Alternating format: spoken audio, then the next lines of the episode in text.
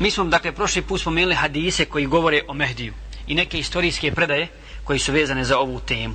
Danas ćemo dati komentar, inša Allah, na prethodne izložene stvari kako bi završili sa ovom temu. Prvo, braću, što primjećujemo jeste da kada čovjeka savlada očaj, on pribjegava po hitnom postupku traženju izlaza, makar taj izlaz bio imaginaran i potpuno neosnovan. Kako bi se oslonio na to pred svojim neuspjehom ili pred neuspjehom njegovog programa, njegove partije, odnosno njegove organizacije i onoga što je on zamislio. I kako bi na taj način našao pribježište u ovoj imaginaciji.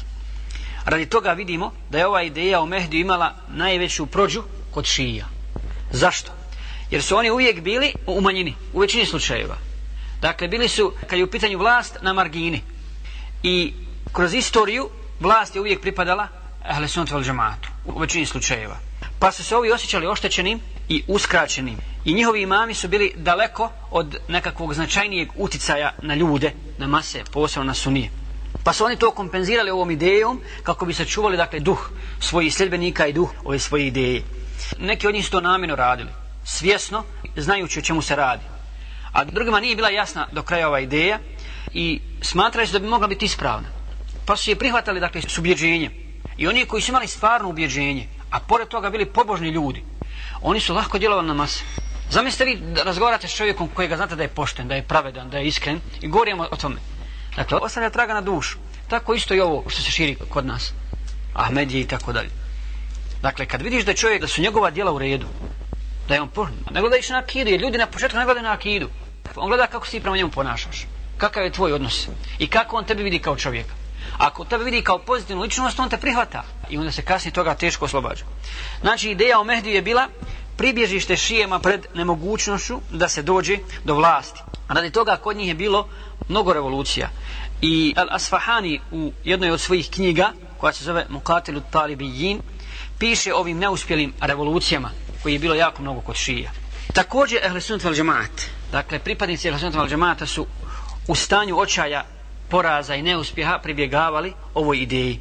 Dakle, u stanju kada nisu mogli ostvariti određene svoje ciljeve, neki od sunija su tražili izlaza u ideji o Mehdiju. Odnosno, čekali su Mehdija i govorili da će on doći izbaviti muslimane iz tog stanja. Recimo u Španiji. Mi znamo koliko je vremena Španija bila islamska.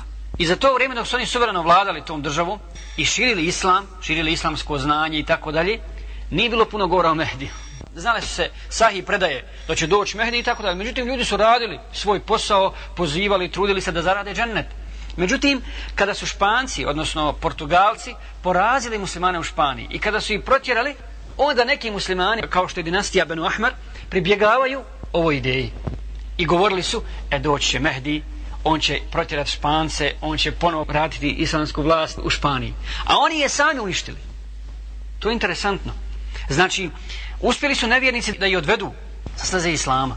Donijeli im novotarije raznorazne, kao što su alkohol, žene i tako dalje, razvrat. Pa borba međusobna, čak su braća međusobno ratovala i sin bi ubio oca radi vlasti u Španiji. E kad su izgubili tu vlast, onda su govorili o Mehdiju. Doće Mehdi pa će nas on izbaviti.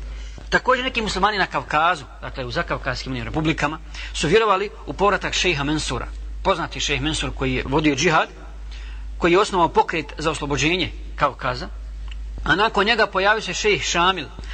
Pa su mislili da će, kad je on umro, da će se on sigurno vratiti i da će ponovo povesti džihad protiv nevjernika, na taj način osloboditi muslimane. Zatim Kurdi, dakle kad pratimo istoriju muslima, gdje se najviše govorilo o Mehdiju i ko je najviše govorio? Kurdi posebno. A Kurdi su narod koji je kroz svoju dugu istoriju prošao kroz najveća iskušenja. I ono što bi naš narod rekao, nikada providnog dana nisu imali. Osim u jednom kratkom periodu vrijeme Salahudina Jubije i njegovih potomaka. Salahudina Jubi nije pričao o Mehdiju, nego je za suko rukave muški na jedan islamski način na osnovu Korana i Sunneta radio za islam i vratio kuc vratio, dakle nisu ga vratili ni Arapi, ni ovi, ni oni muslimani možda sad Arapi pričali o Mehdiju a Salahudina Jubije pričao o Koranu i Sunnetu i praktično potvrdio kako se radi, živi za islam i oni su zato vjerovali u povratak svog vođe, svog Mehdija koji je imao ime Hasan ibn Ali. Znači taj osjećaj se javlja poslije neuspjeha određenog plana ili projekta ili ideji za koji su bile vezane nade ljudi kao što je ideja džihada. Zato ovo govorimo. Nekad se ljudi razočaraju. Makar oni bili pismeni, školovali se i tako dalje učili, ako se bore za određenu ideju i forsiraju je i vežu svoju nadu za nju, evo džihadska ideja, i ne uspije, gotovo ljudi ostavljaju sve. Ostavljaju svaki mogući posao, svaku moguću aktivnost i onda, kad to propadne, onda duša izgubi volju za bilo kakav rad. I onda pribježište vidi u čekanju Mehdija, kad ne možemo mi. Znači, vidi da mi nismo sposobni. Uložili smo maksimum truda, nismo uložili maksimum truda. Ili imaju neki drugi razlog zbog koji Allah nije dao da, da se ostvari ta ideja. Radi toga kažemo da je hajr i dobro za umet da se ne veže za jedan projekat, da se ne veže za jedno polje djelovanja kad je u pitanju islam. Jer islamsko polje djelovanja nije jedno, ono je razuđeno i široko i veliko i mnogo veće od toga da bi ga mi mogli podvesti samo pod davu ili samo pod džihad ili samo pod određenu oblast. I ako se na jednom polju desi ne uspije, onda ima drugo polje gdje se možete kako uspjeti raditi za islam. Jer atmosfera poraza i neuspjeha je najpogodnije tlo i najpovoljniji ambijent za oživljavanje ideje Mehdije.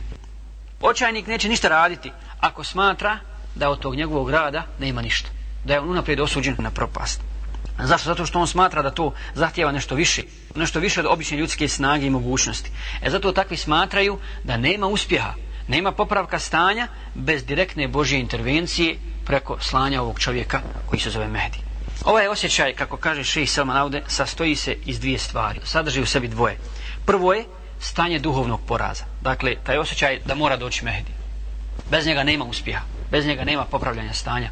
I bez njega nema izlaska iz krize kad su muslimani u pitanju. Dakle, stanje duhovnog poraza koji je snašao određenu skupinu ili čak narod u određenom vremenu. Zbog toga ili radi toga što je nestala nada koja je bila vezana za određenu stvar za koju se borio taj narod, odnosno određena grupa. A zato vidimo kad god bi se pojavi neko za koga su ljudi tvrdili da je Mehdi i umru, ljudi bi nađi zamjenu njemu. Ili bi ga zamijenili s nekim drugim, ili bi smatrali da on nije umru, ili bi reci on je umro, ali će se vratiti. Sigurno će doći ponovo da izbavi ljude iz tog očaja, iz tog jednog stanja. Zatim druga stvar koju sadrži ovaj osjećaj jeste želja za promjenom, za cjelovitom promjenom odjednom. Dakle, i nedostatak ubjeđenja i vjerovanja u postepenost kad je u pitanju popravljanja stanja kod ljudi i vođenje računa o božanskim zakonima koje je Allah uspostavio u prirodi, koje je Allah postavio među ljudima. Dakle, to je postepenost u popravljanju stanja. Hajmo posmatramo Rasula s.a.v. kako je on djelovao. Posmatramo zabrane naredbe od Allaha Đelešanu, kako su dolazili. Postepeno, dakle ne odjednom, kako je zabranjen alkohol, kako je zabranjena kamata, kako su zabranjeni mnogi drugi grijesi. Dakle, nisu odjednom. I čovjek je takvo stvorenje, takvo biće, da se ne popravlja tako lahko. I da ne prihvata stvar tako lahko. I onda takvi ljudi koji vide fesad, prihvatili davu, prihvatili islam i kad vide fesad, vide da se nered raširio na zemlji, čitajući novine, gledajući televiziju i tako dalje, posmatrajući kompletno stanje, on se nađe u jednom bezizlaznoj situaciji i smatra da, da se taj fesad ne može riješiti nego na ovakav način. I on bi želio da se taj fesad riješi u treptaju oka. Ovako i gotovo. I doće taj čovjek i on će to riješiti. I kad se pojavi, on neće tako rješavati tu stvar. Vjerujemo da Allah Đelešanu, dakle, može promijeniti stanje u jednom trenutku. I da Allah hoće svi ljudi bili vjernici. Međutim, Allah je postavio zakone vezane za kompletnu reformu. Za svaku reformu, za svaku promjenu, za zaštitu svoju vlastitu, vlastitog života, svoje ideje, akide i tako dalje. I naredio je ljudima kako da rade, kako bi došlo do njihove promjene. I šta da rade? Pa kaže uzvišeni, inna Allah la yugayiru ma bi qawmin hatta yugayiru ma bi anfusihim. Allah neće promijeniti stanje jednog naroda dok oni sami sebe ne promijeni. Nema mijenjati. Dakle, dok ti ne sam sebe ne promijeni. Ima ljudi koji razmišljaju, odnosno sanjari o suštinskim stvarima. Ali je problem u tome što oni žele i smatraju se to mora ispuniti u njihovom životu. Ako se ta ideja i ta stvar ne ostvari dok sam ja živ, propalo je sve. Ali vidi, interesantno je. Oni smatraju da to treba se desiti dok sam ja živ, ali da to neko drugi uradi. A da ja zasadim sadnicu kako smo prošli put ciljali hadis poslaniku sa sele, a da ja zasadim sadnicu od koje ako ja ne dočekam plodove, dočekat će moj sin ili generacije koje će doći poslije mene, u to je dugo čekat. To je dugo čekat. Znači, šta čekaju takvi ljudi? Oni čekaju plodove tuđeg grada. Da neko dođe da pomete ispred tvoje kuće smeće koje se nakupilo i da promijeni kompletno stanje, a da ti onda uživaš. On neš uživati ponovo. I ako on dođe i na takav način kad bi neko riješio tvoj problem, opet ti neš uživati. To nije nikakav užitak jer ti nisi ništa uložio. Zatim, ono što primjećujemo također, jeste da ljudi koji rade koristan i produktivan posao, koji uče nauku, koji se bave davom, koji imaju program svog rada, koji imaju aktivnosti na kojima ustrajavaju, kojima troše svoju energiju, nemaju ovakvih ideja i oni ne maštaju puno. A kamol da budu zadojeni samo tom idejom, i ništa više i čekaju takvu stvar. Zato što su zauzeti korisnim poslovima i korisnim razmišljanjem o tom poslu, kako ga riješiti, kako uspjeti u davi, kako napraviti aktivnosti, kako napraviti program i tako dalje. I onda nemaju vremena jadikovati i vapiti za ovim idejama. A ako bi se pojavilo to, dakle, što kaže Šej Selman, takvi ljudi koji rade, koji su aktivni na polju dave, na polju pozivanja islam, kad se pojavi Mehdi, oni će ga prvi podržati. A oni puno o njemu ne pričaju. Sigurno će ga oni prvi podržati. Jer ima jasna ta ideja u potpunosti. A što se tiče onih koji su vezani za neke daleke simbole ili primjere, a u isto vrijeme ništa ne rade, osim što čekaju neko ko će promijeniti stanje, oni s posmijehom čak gledaju. Vjerujte da ima kod muslimana takvih sekti, odnosno takvih e, ljudi koji s posmijehom gledaju na rad, na davu. I on jednostavno ti kaže šta ti hoćeš.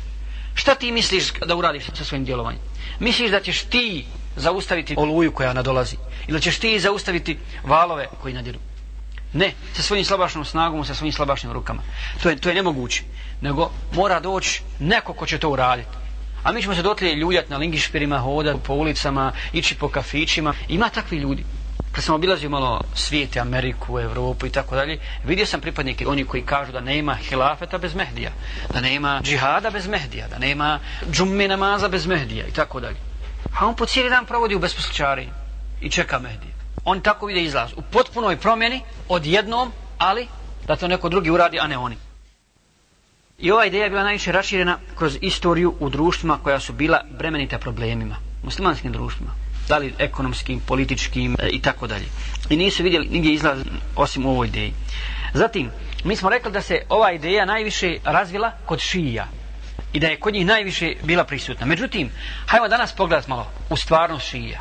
Ako danas pogledamo šije, vidjet ćemo da postoji znatna razlika u odnosu na, na priješnje vrijeme. Šije danas imaju svoju državu. Mi ne govorimo o njihovoj akidi, koja je neispravna. Oni imaju svoju državu. Znači, nešto su ostvarili. Imaju svoju ekonomiju. Imaju svoja sredstva informisanja. I oni suvereno vladaju tom državu. I danas je sve manje onih koji pričaju na ovakav način o Mehdi. Dakle, okrenuli se svojoj stvarnosti. A oni koji su njih kritikovali od Sunija, oni su, dakle, preuzeli sad tu ulogu. Koji su i stalno napadali zbog toga, oni sad rade tu stvar. Dakle, stvar je takva da ljudi se vraćaju tome onda kad se nađu u teškoj situaciji, u teškoj krizi.